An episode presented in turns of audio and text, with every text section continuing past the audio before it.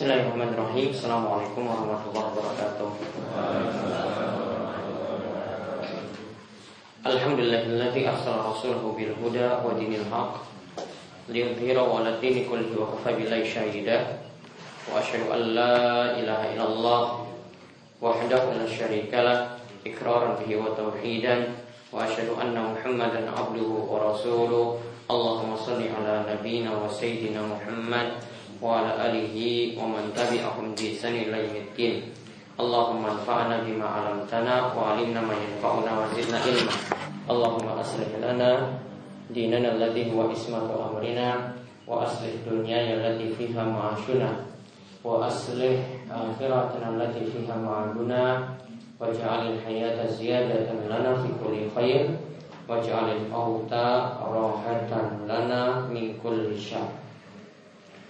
Baik, Alhamdulillah uh, para jamaah sekalian yang semoga selalu dirahmati dan diberkahi oleh Allah Subhanahu wa taala. Kita bersyukur pada Allah Subhanahu wa taala atas nikmat yang telah dianugerahkan kepada kita sekalian sehingga pada kesempatan subuh yang penuh barokah ini kita berada dalam majelis yang mulia yang di mana kita uh, senantiasa mohon pada Allah semoga kita dikaruniakan ilmu yang bermanfaat diberikan taufik untuk beramal soleh dari ilmu yang telah kita ketahui. Kemudian kita pun dimudahkan untuk melakukan amalan kebajikan dan menjauhi segala larangan Allah termasuk dosa-dosa besar. Lalu mudah-mudahan kita juga diberikan keistiqomahan oleh Allah Subhanahu wa taala Kemudian salawat dan salam semoga tercurahkan kepada junjungan kita Nabi besar Nabi Agung Muhammad Sallallahu Alaihi Wasallam pada para sahabat, pada para tabiin dan tabiut tabiin serta setiap ulama yang telah memperjuangkan agama ini yaitu agama Islam. Baik uh, kesempatan kali ini kita kembali melanjutkan pembahasan dari dosa-dosa besar al-kabair kita melanjutkan setelah kita pelajari tentang al-khari asu yaitu hakim yang jelek. Kali ini kita melanjutkan dosa besar nomor asabi awal ishrun nomor 27 yang di mana beri judul oleh Imam Azhabi Al-Qawadu Al-Mustahsin ala ahlihi yaitu suami atau pemimpin rumah tangga yang membiarkan istrinya terjerumus dalam kemaksiatan. Ya, dia membiarkan istrinya terjerumus dalam kemaksiatan atau kemungkaran. Atau ini diistilahkan dengan istilah dayus. Diistilahkan dengan istilah dayus, laki-laki atau suami yang tidak punya rasa cemburu. Disilakan dengan dayus yaitu suami yang tidak punya rasa cemburu, yaitu tidak cemburu saat istri berbuat maksiat. Kemudian nanti kita lihat uh, dosa besar nomor 28 juga tentang ar-rijlatu minan nisa wal mukhannas minarijal. Laki-laki yang uh, perempuan yang bergaya laki-laki dan laki-laki yang bergaya perempuan. Jadi nanti kita bahas tentang hukum banci atau bencong. Ya, nanti pada dosa besar nomor 28. Mudah-mudahan bapak-bapak nggak ada yang gaya-gayanya seperti itu. Yang malam berubah jenis kelaminnya pagi laki-laki malam keluyuran ya cari mangsa jadi perempuan. Karena ada yang seperti itu ada yang punya jadi dia siluman ya jadi siluman gitu. Malam-malam berubah langsung jadi perempuan. Ya. nanti kita akan bahas ya dosa besar tersebut. Baik kita lihat tentang membiarkan perbuatan keji pada istri. Di sini dibawakan oleh Imam Adabi surat An-Nur ayat ketiga Allah berfirman Az-zani la yankihu illa zaniyatan aw musyrikatan. Wa zaniyatu la yankihuha illa zanin aw musyrik. wa hurrima dzalika 'alal mu'minin. Laki-laki yang berzina tidaklah menikah kecuali juga dengan perempuan yang berzina. Lalu au musyrikatan ya atau tidaklah menikah dengan perempuan yang musyrik. Lalu perempuan yang berzina wazaniyatu la yankihuha illa zanin. Perempuan musyrik tidaklah menikah kecuali dengan laki ya perempuan yang berzina tidaklah menikah kecuali dengan laki-laki yang berzina atau dengan musyrikun atau dengan laki-laki musyrik. Wa dzalika 'alal mu'minin dan seperti itu tadi diharamkan atas orang-orang yang mukmin. Surat An-Nur ayat ketiga. Maka di sini kita lihat para jamaah sekalian dari ayat ini kita dapat simpulkan bahwa yang namanya laki-laki yang baik akan mendapatkan perempuan yang baik pula. Rata-rata seperti itu. Perempuan yang baik pula akan mendapatkan laki-laki yang baik. Jarang yang berlawanan paling satu atau dua kasus. Ya memang ada seperti kisah Nabi Nuh dan Nabi Lut. Ya, Nabi Nuh dan Nabi Lut itu keduanya memiliki istri yang kafir. Ini jarang. Kemudian sebaliknya ada yang suaminya kafir yaitu Fir'aun memiliki istri yang soleha yaitu Asia ya yang dia ini meminta kepada Allah Subhanahu wa taala untuk dibangunkan rumah di surga dan supaya diselamatkan dari kezaliman suaminya dan pengikutnya. Istrinya beriman. Namun rata-rata seperti ini yang disebutkan dalam ayat Laki-laki yang berzina tidaklah dapat kecuali perempuan yang berzina Atau sebaliknya perempuan yang berzina ya dapat laki-laki yang berzina pula Atau dapat yang musyrik maka setipe seperti itu. Tidaklah jauh tipenya. Semuanya dapatnya tipenya seperti tadi. Maka berarti Tugas setiap orang ketika Ingin Jadi eh, Ingin mendapatkan pasangan yang baik. Ketika ingin menikah Maka dia harus memperbaiki diri terlebih dahulu. Ya maka ketika dia baik maka insya Allah dia juga akan mendapatkan pasangan yang baik. Kemudian ayat ini juga dapat kita ambil kesimpulan bahwasanya ini tentang masalah orang yang hamil di luar nikah. Ya, orang yang hamil di luar nikah. Maka menurut pendapat sebagian ulama dia tidak boleh dinikahkan kecuali dengan memenuhi dua syarat. Ya, laki-laki yang berzina dengan perempuan yang berzina itu tidaklah dinikahkan kecuali dengan memenuhi dua syarat. Syarat yang pertama bertobat karena di akhir ayat disebutkan dan ini tidak pantas bagi kecuali pada orang-orang beriman. Maka tadi dua status tadi ketika mereka berzina maka harus bertobat. Kemudian yang kedua menurut sebagian ulama Ya, menurut sebagian ulama bahwasanya kalau perempuan terbukti hamil maka harus tunggu sampai dia melahirkan baru boleh dinikahkan. Pendapat seperti ini seperti terdapat pada mazhab Hambali namun menyelisihi yang hal ini adalah mazhab Syafi'i. Jadi kalau dalam dalam mazhab Syafi'i selama itu adalah laki-laki yang berhubungan dengannya masih boleh dinikahkan namun syaratnya tetap pertama tadi harus dipenuhi yaitu sama-sama bertaubat. Nah kaitannya dengan bahasan kita karena dikatakan ya laki-laki yang jelek dapat perempuan yang jelek.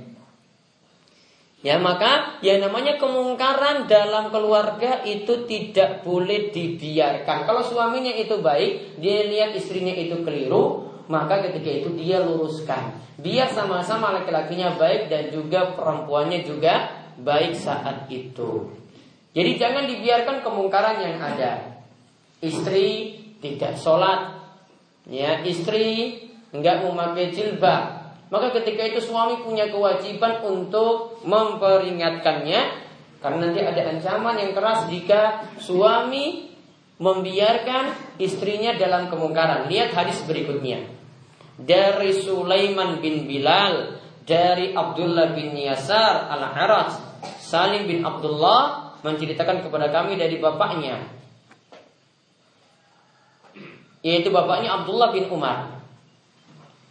Ibnu Umar ini mengatakan Nabi SAW bersabda salah satu la yadkhulunal jannah ada tiga orang.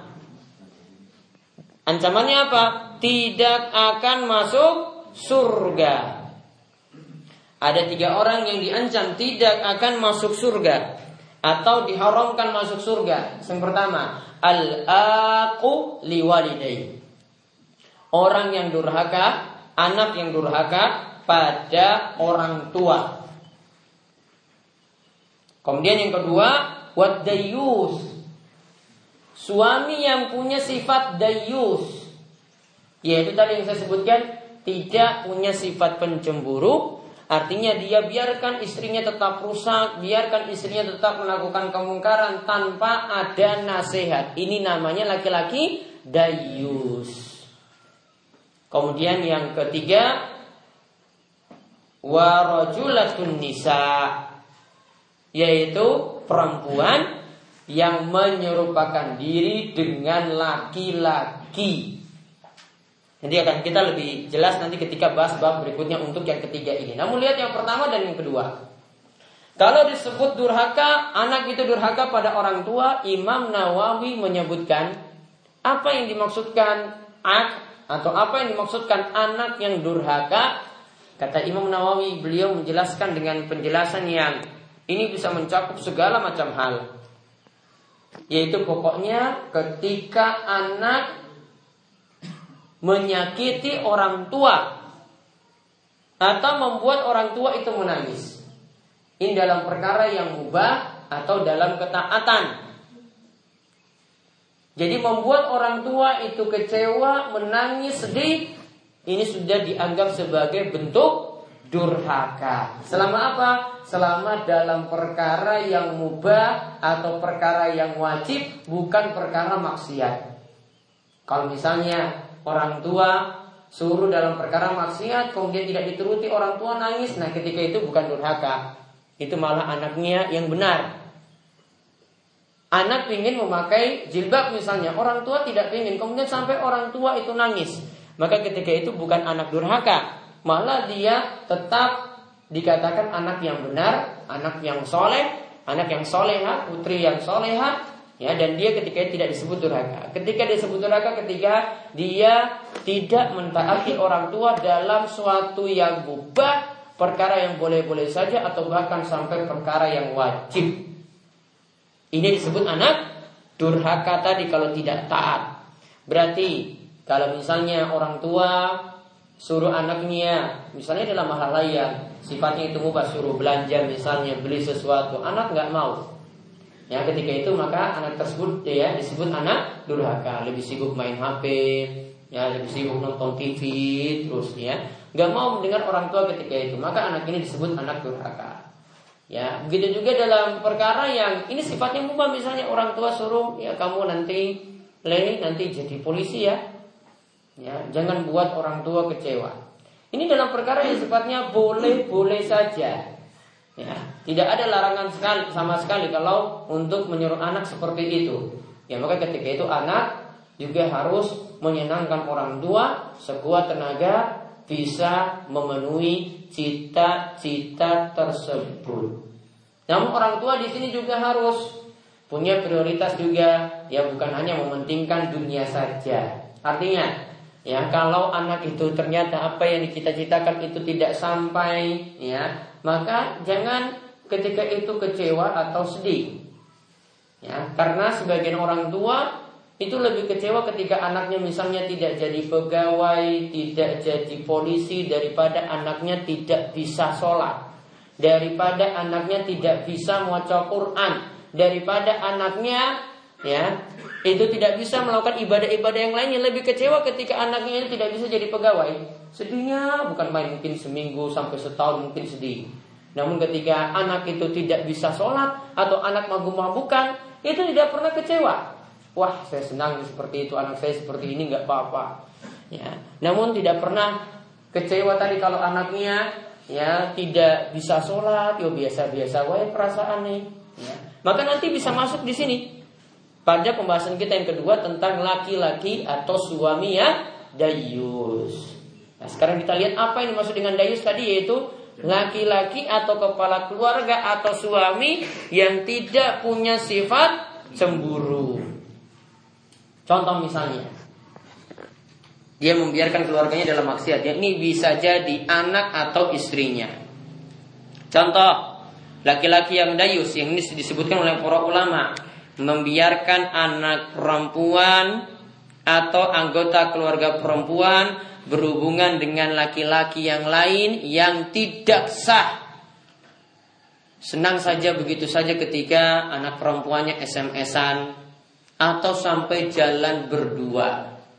Padahal belum statusnya itu belum sah. Orang tua tidak punya rasa bagaimana-bagaimana senang-senang saja malah jadi masalah. Orang tua dikatakan di sini tipenya tadi apa? Laki-laki yang dayus.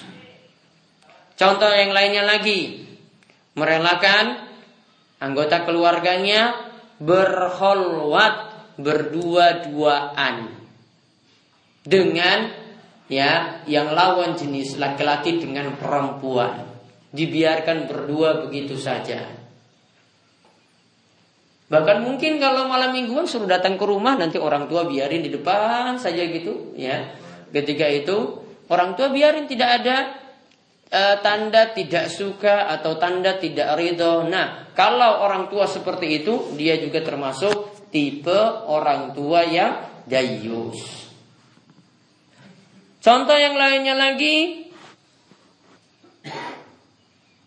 merelakan anggota keluarga perempuan keluar tanpa menggunakan jilbab, tanpa menutup aurat.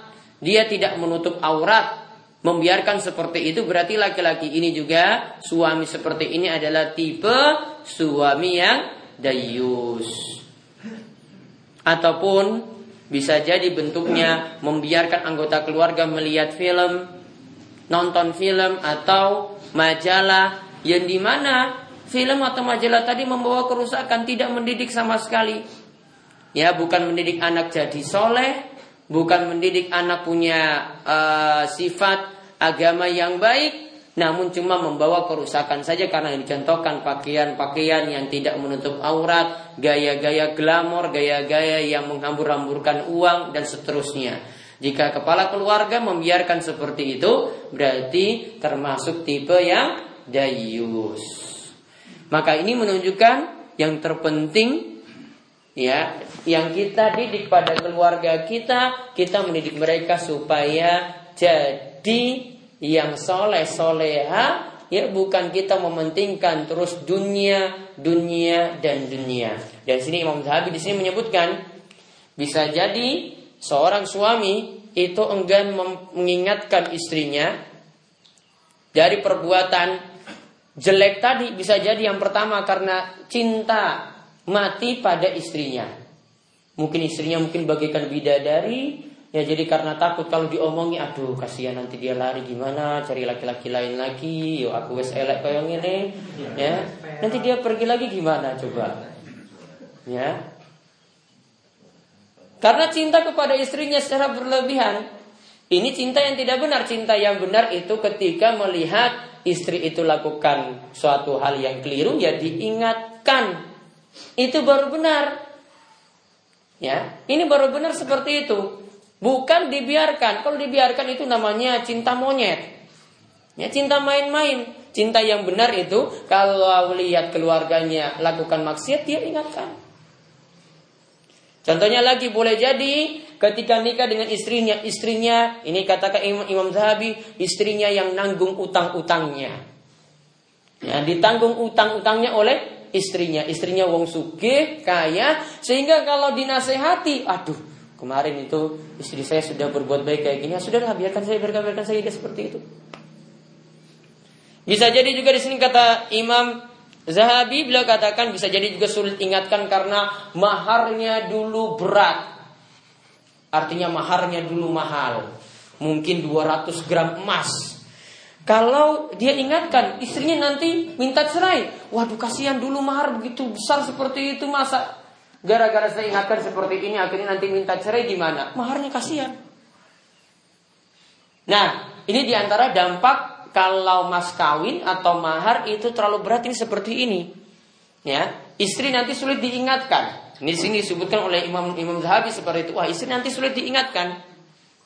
Kemudian juga bisa jadi juga sulit nasihati istri karena masih memiliki anak-anak yang masih kecil.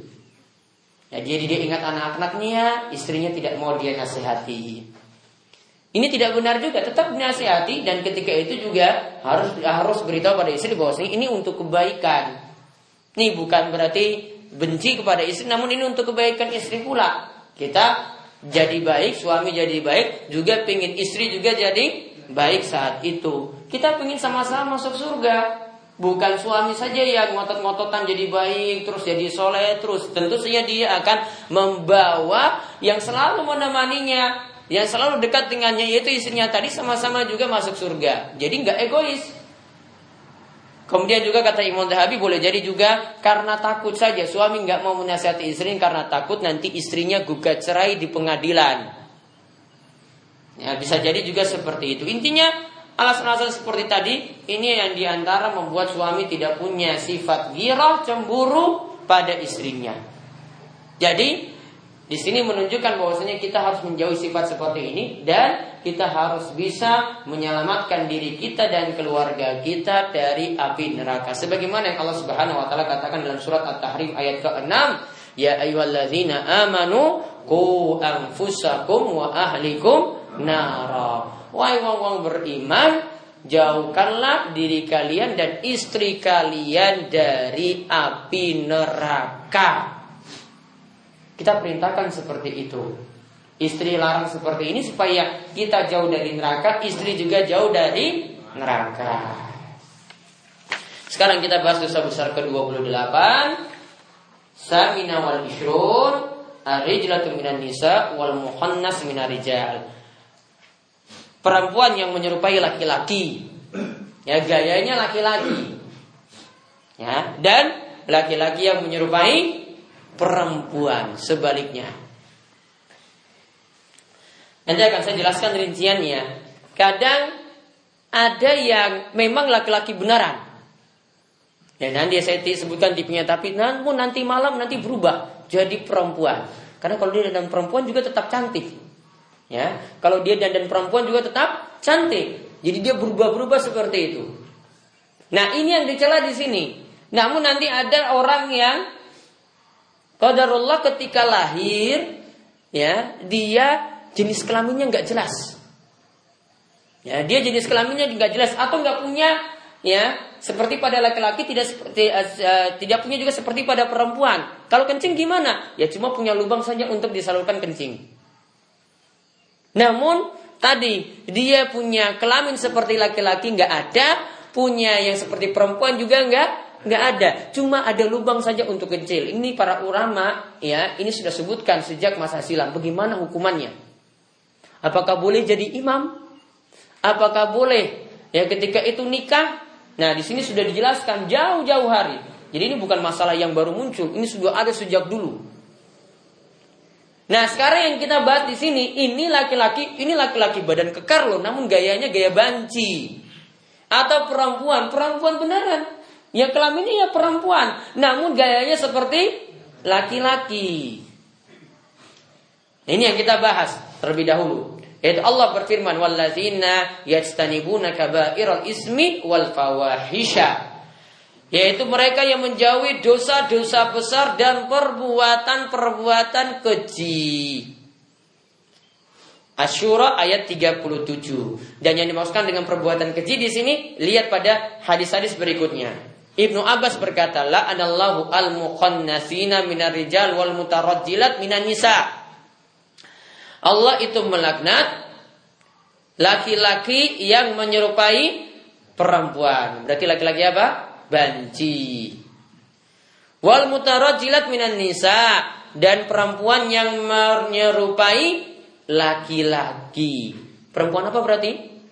Tomboy, ya. Kita sebut dengan perempuan tomboy. Ya. Kalau bergaya, ya, gayanya seperti laki-laki, pakai topi, ya. Kemudian penampilannya ya cuma sayangnya dia nggak punya kumis dan jenggot saja. Ya. Dia nggak punya kumis dan jenggot saja. Namun gayanya seperti laki-laki. Mungkin badannya kekar juga pakai motor gede juga, pakai moge, ya. Motornya itu fiction, ya. Balapnya seperti itu, bahkan tarik-tarikan juga mungkin dengan laki-laki. Ya. Ayo kita tarikan. Ya. perempuan. Mungkin juga main bal-balan juga. Ya. Ikut juga jadi penjaga gawang misalnya. Waduh bahaya kalau jadi penjaga gawang. Ya. Hmm. Mungkin juga ikut gulat juga, gulat atau tinju. Bahaya juga kan kalau lawannya laki-laki. Nah seperti ini dikatakan Allah melaknat. Artinya jauh dari rahmat Allah. Ini dosa besar. Mungkin juga Nabi SAW bersabda dalam hadis yang lainnya. Lafaz yang lainnya disebutkan. La'anallahu rajulata minan nisa. Yaitu Allah melaknat perempuan yang berlagak seperti laki-laki. Begitu juga dalam hadis yang lainnya dari Abu Hurairah. Beliau berkata Rasulullah Shallallahu Alaihi Wasallam bersabda, la'ana Rasulullah sallallahu alaihi wasallam ar-rajula yalbasu libsatal mar'a. Rasul sallallahu alaihi wasallam itu melaknat laki-laki yang memakai baju perempuan. Pakai daster misalnya, ya. Laki-laki namun pakai daster misalnya, nggak boleh. Walaupun itu cuma pas 17-an misalnya, cuma ingin lucu-lucu saja, nggak boleh.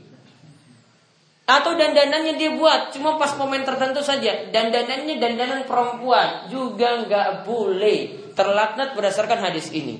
Wal mar'ata talbasu libsatar rajul. Begitu juga Rasul SAW itu melaknat perempuan yang pakai pakaian laki-laki. Ya, dia memakai pakaian laki-laki. Nah, ini juga tidak dibolehkan. Hadis ini isnadnya sahih.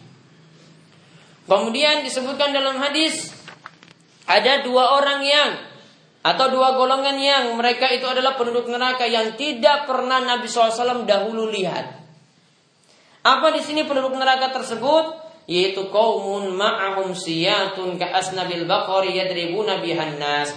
Ada suatu kaum yang membawa pecut-pecut yaitu cambuk seperti ekor-ekor sapi yang mereka gunakan untuk mukul orang.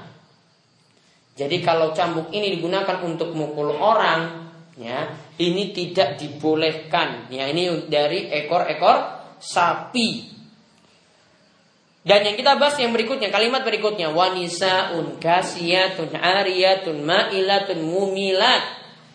Yaitu perempuan yang mengenakan pakaian tetapi seperti telanjang dan berjalan berlenggak-lenggok dan berlagak ru'usuhunna ka asnimatil buhtil ma'ilah dan kepala mereka itu bagaikan punuk unta yang melenggak-lenggok. Yang dimasukkan punuk unta kalau di zaman ini itu pakai konde. Ya.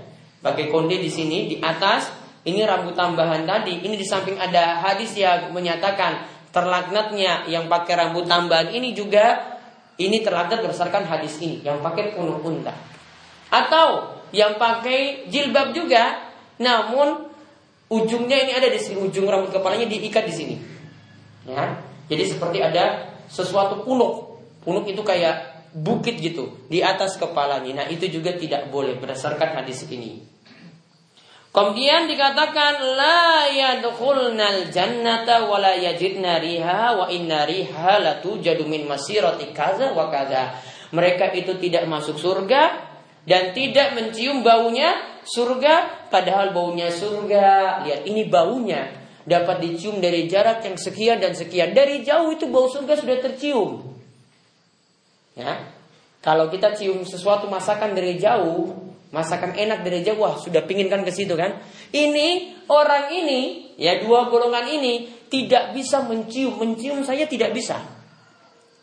Apalagi masuk Sedangkan kalau kita masakannya enak dari jauh pun itu bisa, wah cium wah enak eh enak eh.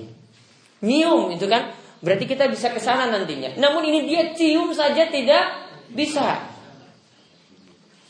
Nah kaitannya di sini ini untuk perempuan yang lagaknya kayak laki-laki. Karena dikatakan di sini ariyatun ma'ilat, pakaiannya ketat.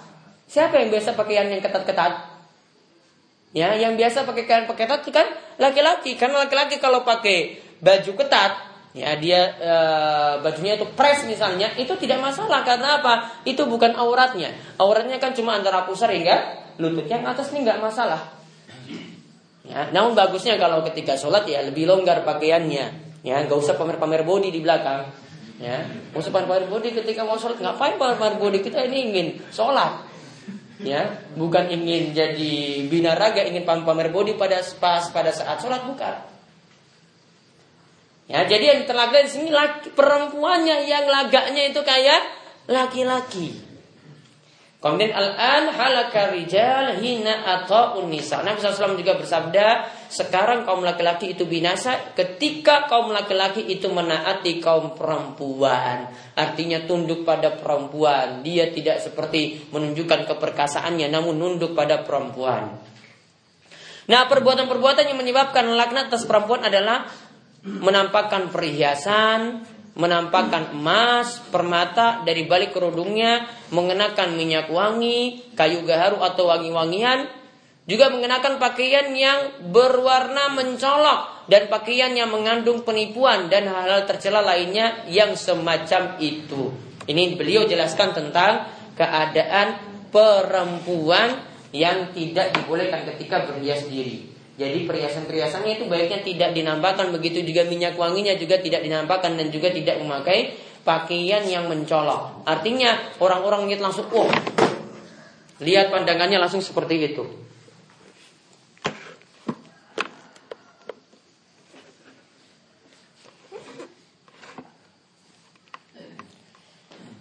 Nah kemudian sekarang sedikit bahasa tentang hukum bagi laki-laki yang menyerupai perempuan atau perempuan yang menyerupai laki-laki.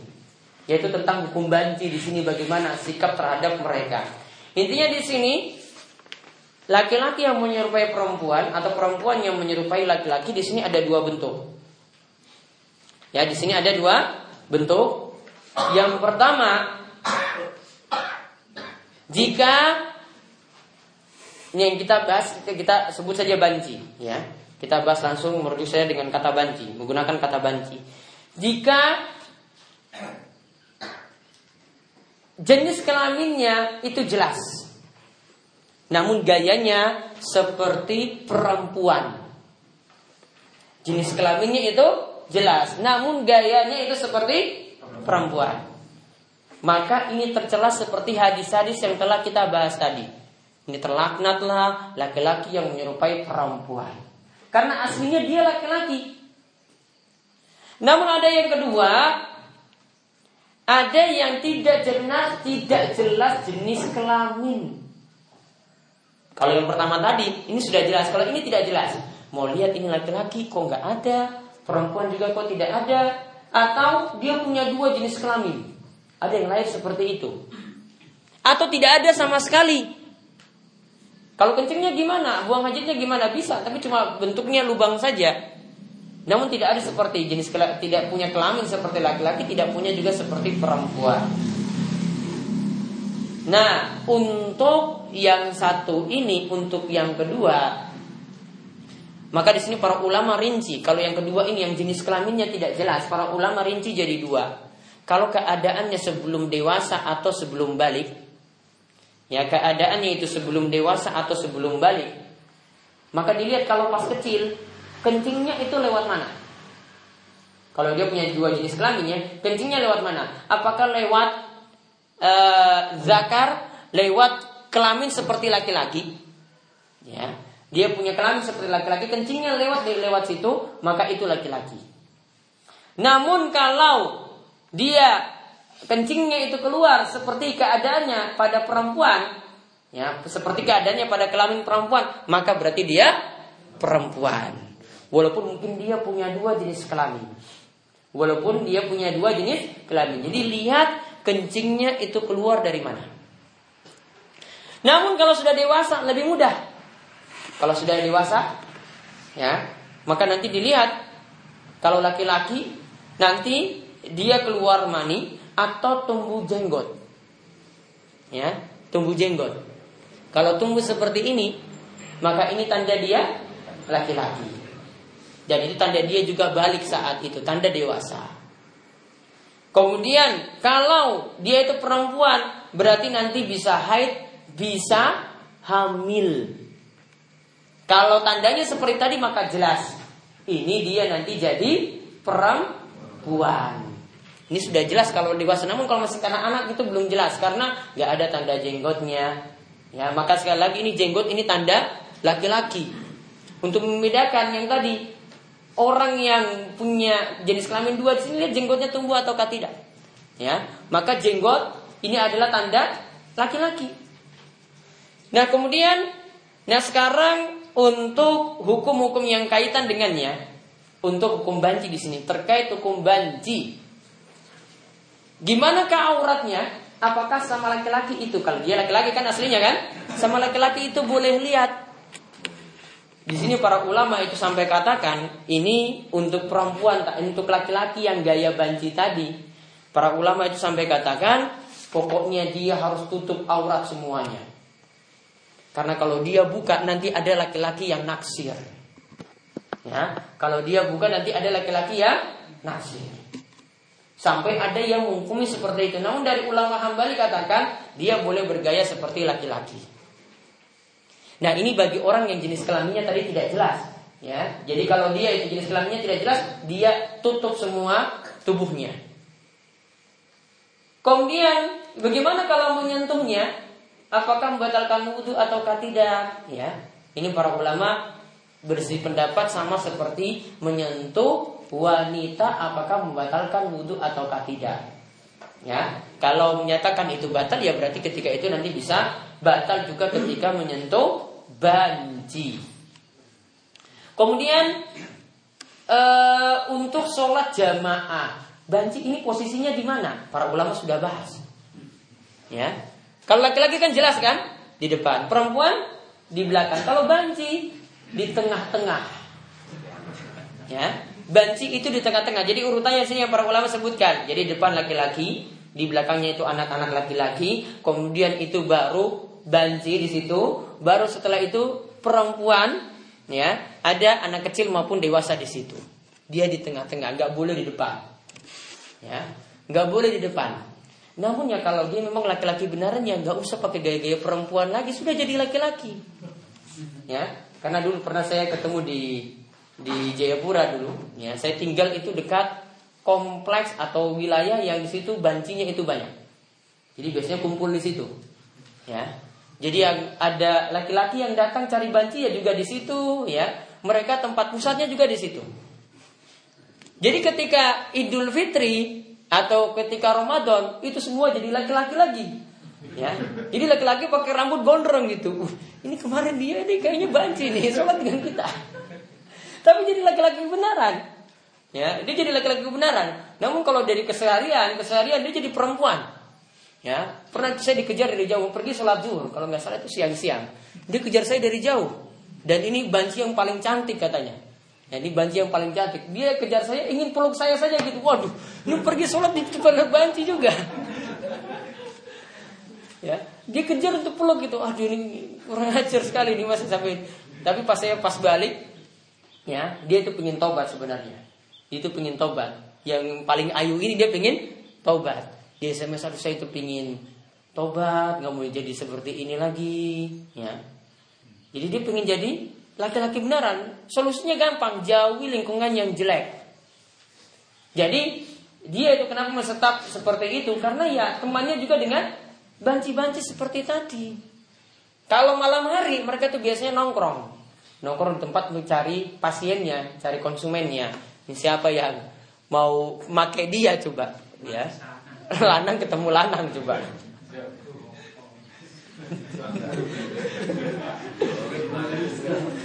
Tapi punya tempat nongkrong juga. Di sana kalau di Jayapura itu ada ada tempat nongkrong untuk mereka. Jadi kalau laki-laki biasanya digoda situ kalau lewat situ bahaya.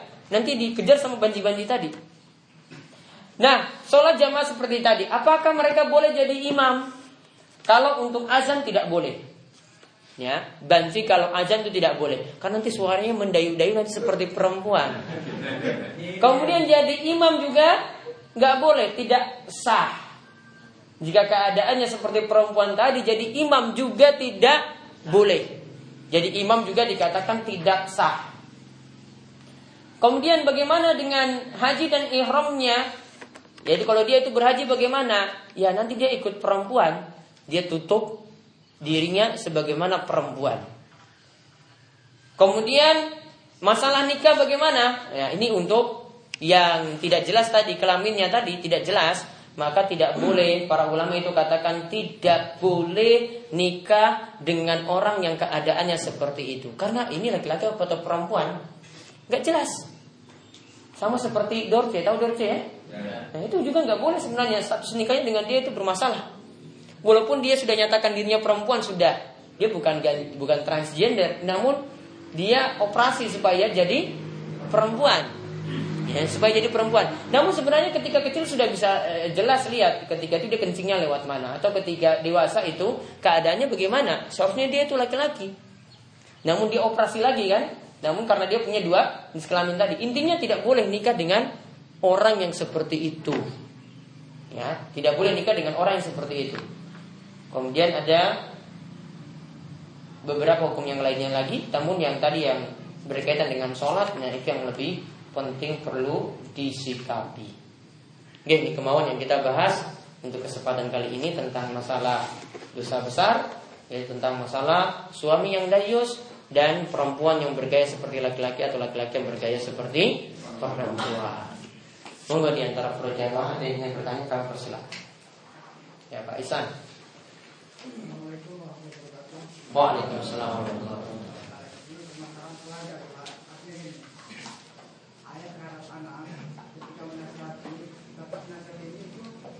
selalu dipegang oleh kedua orang tua. Maka terjadi di situ. Dasarnya cara gengsi. Bukan gengsi kan apa? Jadi ketika suara besar itu dilawan dengan suara besar. Ketika mertua keras bicaranya, perkataan keras. Di sini termasuk kalau kata orang akar bagaimana? Baik. Maka ketika terjadi pertentangan seperti itu perlu dijelaskan kepada istri juga kepada anak-anak sebagai kepala keluarga itu harusnya yang lebih didengar. Ya selama dia yakin kepala keluarga ini yakin bahwasanya ini yang dinasihati ini adalah perkara yang benar. Kemudian yang kedua perlu dipahami e, cara menasihatinya di sini juga harus didahulukan cara yang lemah lembut. Ini hukum asal untuk nasihat. Nabi SAW itu mengatakan bahwasanya yang namanya lemah lembut la yakunu fi syai'in Itu akan ada pada setiap nasihat maka itu akan selalu membawa kebaikan. Jadi kalau nasihatnya dengan cara yang baik, dengan cara yang lemah lembut, pasti ujung-ujungnya juga baik. Sebaliknya, Kata Nabi SAW jika nasihatinya dengan cara yang kasar, cara yang keras, maka la yakunu fi syai'in illa syara. Maka adanya nanti ya cuma jelek saja. Maka hukum asal nasihat kata para ulama berilah nasihat dengan lemah lembut baik kepada orang tua kita sendiri, baik kepada istri kita, baik kepada anak-anak kita juga demikian. Ya, Baik dengan anak-anak kita juga demikian. Maka kalau misalnya ada suara yang lebih keras daripada itu, baiknya jawab juga dengan lemah lembut, berusaha untuk ya tidak dilawan juga dengan ya kasar pula. Ini lebih baik. Ya, karena Allah Subhanahu wa taala katakan idfa billati hiya asan. Tentang cara berdakwah Allah katakan cegahlah dengan cara yang lebih baik. Kalau ada yang kasari kita, kita malah tidak kasari juga. Itu lebih baik. Walaupun kalau kita balas yang kasar dengan kasar masih boleh. Sebagaimana dalam hukum Islam, jika ada yang membunuh maka dibalas juga dengan membunuh. Jika ada yang memukul dibalas juga dengan memukul, asalnya boleh membalas seperti itu. Namun kalau dibalas dengan yang lebih baik, kita maafkan atau kita jawab dengan lemah lembut, ini sikap yang lebih bagus. Dan insya Allah seperti itu akan mudah membuat nasihat itu diterima. Nah kemudian eh, ketika nasihati tadi perlu dijelaskan bahwasanya Nah ini kita sebagai kepala keluarga punya tanggung jawab lebih besar pada anak-anak dan juga kepada istri. Maka ketika itu bagusnya mertua dinasihati bahwasanya ini, ini ini untuk kebaikan bersama. Ya, ini nasihati istri misalnya istri keliru, yang mertua mungkin dengar ketika itu nah ini untuk kebaikan ya. Bahkan mungkin kita nasihati ini biar anak bapak itu jadi baik atau ini kepada cucunya biar cucunya juga jadi baik. Jadi sebutkan tujuannya seperti itu bukan untuk nyalah-nyalahkan namun ingin ada tujuan yang baik dari nasihat tadi. Ada lagi? Ya. Kalau tadi yang dibahas antara laki-laki dan perempuan itu cara penampilan berpakaian ini berkaitan dengan pekerjaan Pak Ustaz. Ini seumpama yang istrinya itu mundar mandir mencari nafkah dan yang laki itu malah ngomong gitu gimana itu yang pertama yang kedua. bapak rumah tangga berarti? Istrinya itu pegawai dan lakinya itu cuma nganggur dan dia yang nganggur tadi dia itu berkata eh gajinya wong wedok wis cukup. Gimana? Apakah orang yang laki itu dosa atau tidak kalau orang laki di kewajiban mencari nafkah tapi ini sebaliknya Makasih. Allah katakan ar-rijalu qawwamuna 'alan nisa. Ya, laki-laki itu yang harusnya jadi pemimpin bagi perempuan. Oleh karena itu laki-laki itu posisinya di atas daripada perempuan. Jangan dibuat sebaliknya. Walaupun mungkin Istri mungkin tingkat pendidikannya lebih tinggi namun tetap posisi suami di rumah adalah sebagai kepala rumah tangga, kepala keluarga. Sehingga kata-katanya itu yang harus diikuti. Dan istri nggak boleh merasa lebih juga daripada suami. Pokoknya istri punya kewajiban untuk taat. Ya, ini yang pertama yang harus dipahami. Kemudian yang kedua, yang punya kewajiban cari nafkah itu adalah suami.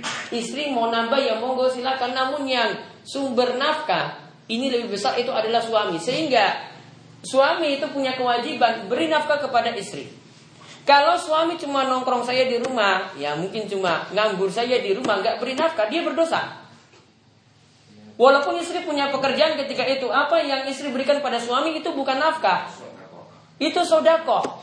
Ya, sedangkan suami masih punya kewajiban berikan nafkah kepada istri. Jika dia tidak kerja, malah berdosa. Harus ada nafkah yang diberikan meskipun istri punya, misalnya dia mungkin wong suki, punya harta warisan yang banyak, punya harta yang banyak, punya warung juga misalnya, punya pekerjaan juga misalnya, tetap masih ada nafkah untuk istri. Nafkah itu harus ada. Nafkah ini bukan uang jajan, pokoknya ada uang yang diberikan kepada istri untuk memenuhi pakaiannya, untuk memenuhi ya makanannya, untuk memenuhi kesehariannya. Ini adalah nafkah wajib bagi suami. Jika cuma nongkrong saya di rumah, malah berdosa. Jadi harus istri harus suruh suami untuk kerja golek nafkah sesuai dengan kemampuan dia ketika itu. Jangan cuma berpangku tangan pada istri. Ya, malah ketika itu dia tidak dapat pahala apa-apa malah dapat dosa saat itu. Dan perlu pahami bahwasanya suami yang bekerja cari nafkah itu selalu didoakan malaikat. Ya malaikat nanti setiap pagi itu akan doakan suami yang bekerja Allahumma ati munfikan khalafan. Ya Allah berikanlah ini malaikat berdoa pada Allah. Ya Allah berikanlah kepada suami yang rajin kerja. Munfikan di maksudnya suami yang rajin kerja rajin beri nafkah berikanlah kepada dia ganti. Dia beri nafkah nanti besok diganti lagi. Allah beri lagi rezeki yang lainnya. Kemudian mm, malaikat juga berdoa, Allahumma a'ti mumsikan talafan. Ya Allah berikanlah kepada orang yang malas kerja, orang yang malas cari nafkah untuk diberikan keberangkurutan, artinya biar hidupnya susah saja terus. Ya. Maka di sini diperintahkan suami harus kerja. Bahkan didoakan ketika itu oleh malaikat bagi suami yang rajin cari nafkah. Jadi pergi cari nafkah itu berpahala. Pergi cari nafkah itu dapat doa dari malaikat terus setiap harinya seperti itu. Ya, jadi kalau dia cuma nongkrong di rumah tidak dapat pahala, tidak dapat doa malaikat. Ya, yang ada cuma dapat dosa terus. Ada lagi? Ya. Assalamualaikum warahmatullahi wabarakatuh. Waalaikumsalam warahmatullahi wabarakatuh. Mengenai dosa-dosa besar yang pakaian perempuan atau dipakai dengan pakaian laki. Di tempat sering masuk orang jualan rombongan. Jadi kita perlu sekali eh, membeli ke celana itu ternyata celana itu celana perempuan itu apakah kita termasuk dosa atau enggak? Kalau kita membelinya tidak dibolehkan Karena itu pakaian yang tidak boleh bagi laki-laki Kecuali belikan untuk istri Kalau laki-laki yang pakai tidak boleh ya. Dia beli, belikan itu tadi untuk istri Bukan untuk dirinya. Ya. Jadi dalam masalah pakaian tetap Laki-laki pakai pakaian laki-laki Perempuan pakai pakaian perempuan. Dan jadi tempat kita itu di Indonesia jelas. Mana pakaian laki-laki, mana pakaian perempuan itu jelas.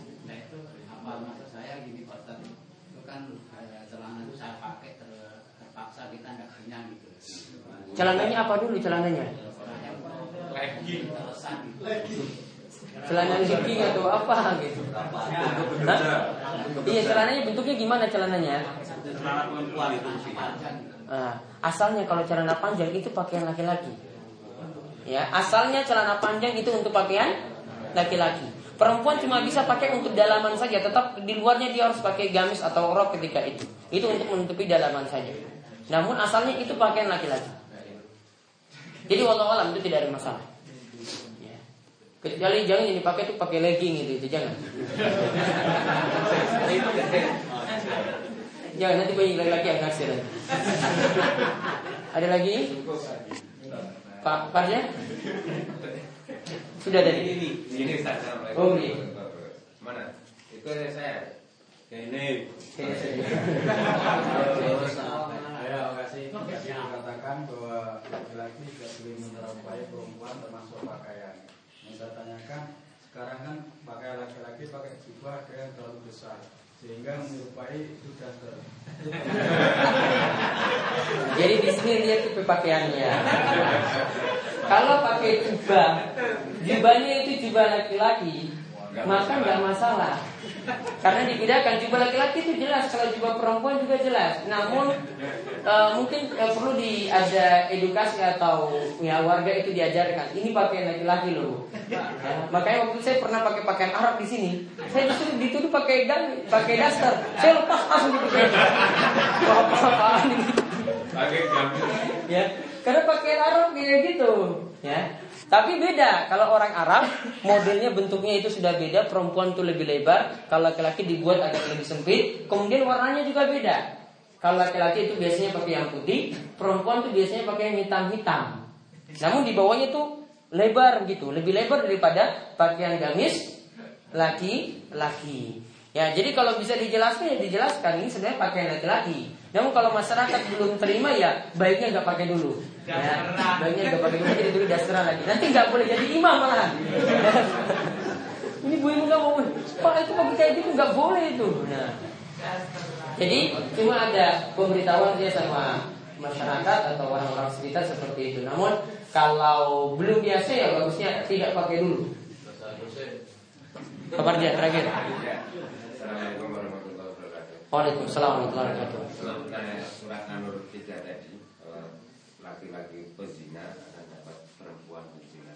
Namun misalkan ada seorang laki-laki yang soleh tahu bahwa itu perempuan itu zina dan kepengen sekali Perempuan ingin bertobat nggak? Ya mudah-mudahan dengan Justru ini mau membetulkan Itu bagaimana eh, hasil atau pahala yang diterima oleh laki-laki Berusaha laki-laki ini memperbaiki Perempuan. Menginsafkan Nah, perempuan berarti syaratnya situ tadi perempuannya bertobat. Berarti kalau perempuannya bertobat, insya Allah dibolehkan seperti itu. Kalau tujuannya laki-lakinya seperti tadi, insya Allah dia dapat unta merah. Ya, bagi orang yang mau berdakwah, dakwai perempuan semacam tadi. Yang kedua Ya. Yang kedua tadi dikatakan bahwa perempuan itu tidak boleh pakai rambut panjang yang panjang ataupun sabun. Tapi zaman dulu sampai sekarang ini apalagi banyak sekali orang yang sudah tahu agama berhaji malah anaknya sering sekali di lepas jadi manten itu di, itu bagaimana Eh, hukumnya atau Pakai tapi pakai jilbab juga? Murah boleh, murah iso. Apa jilbabnya nanti kondenya di luar gitu? Apakah itu termasuk hukum yang seperti yang disampaikan? Ya pokoknya ada rambut tambahan tadi terkena atau dalam hadis tadi. Walaupun itu pas dalam pengantenan atau Iya, iya, iya.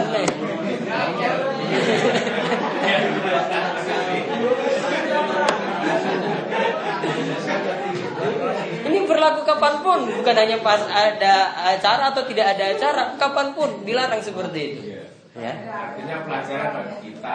Ya pelajaran bagi kita nanti kalau punya acara ya biasa-biasa saja lah itu sudah. Ini kok nggak perlu pakai yang Iya mau jalanan ya sudah. ya pun. Ada lagi? Paris? Nah.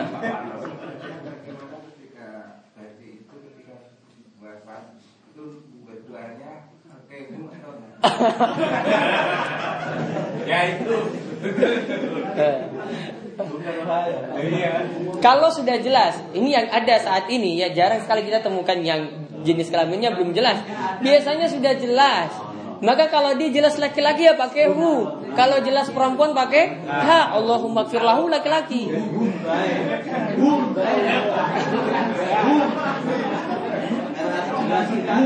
Kalau ragu-ragu pakai hu sudah cukup. Ya.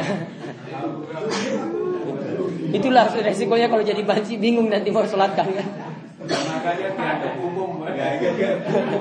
Pakai umum saja Allah maghfir lahu saja. Bingung. Oke, ini kemauan yang kita bahas untuk kesempatan kali ini mudah-mudahan bermanfaat dan Allah Subhanahu wa taala mudahkan kita dalam kebaikan dan menjauhkan kita dari setiap dosa besar dan dosa-dosa yang lainnya. Dia diberitahu nanti sore ada pengawasan ya seperti diumumkan jam setengah empat ya nanti tempatnya di lapangan pesantren DS ya mudah-mudahan bisa hadir untuk acara ini. Oke, ini kemauan ya yang dari luar boleh mau ke bawah jamaah dipersilakan ya, nanti akan diganti untuk uang transportnya. Yang dari luar silakan untuk bawa jamaah seperti biasa nanti akan disediakan uang transportnya. Ini kemauan kita cukupkan kalian doa kafaratul majelis monggo. Subhanakallahumma bihamdika asyhadu an la ilaha illa anta astaghfiruka wa atubu ilaik. Assalamualaikum warahmatullahi wabarakatuh.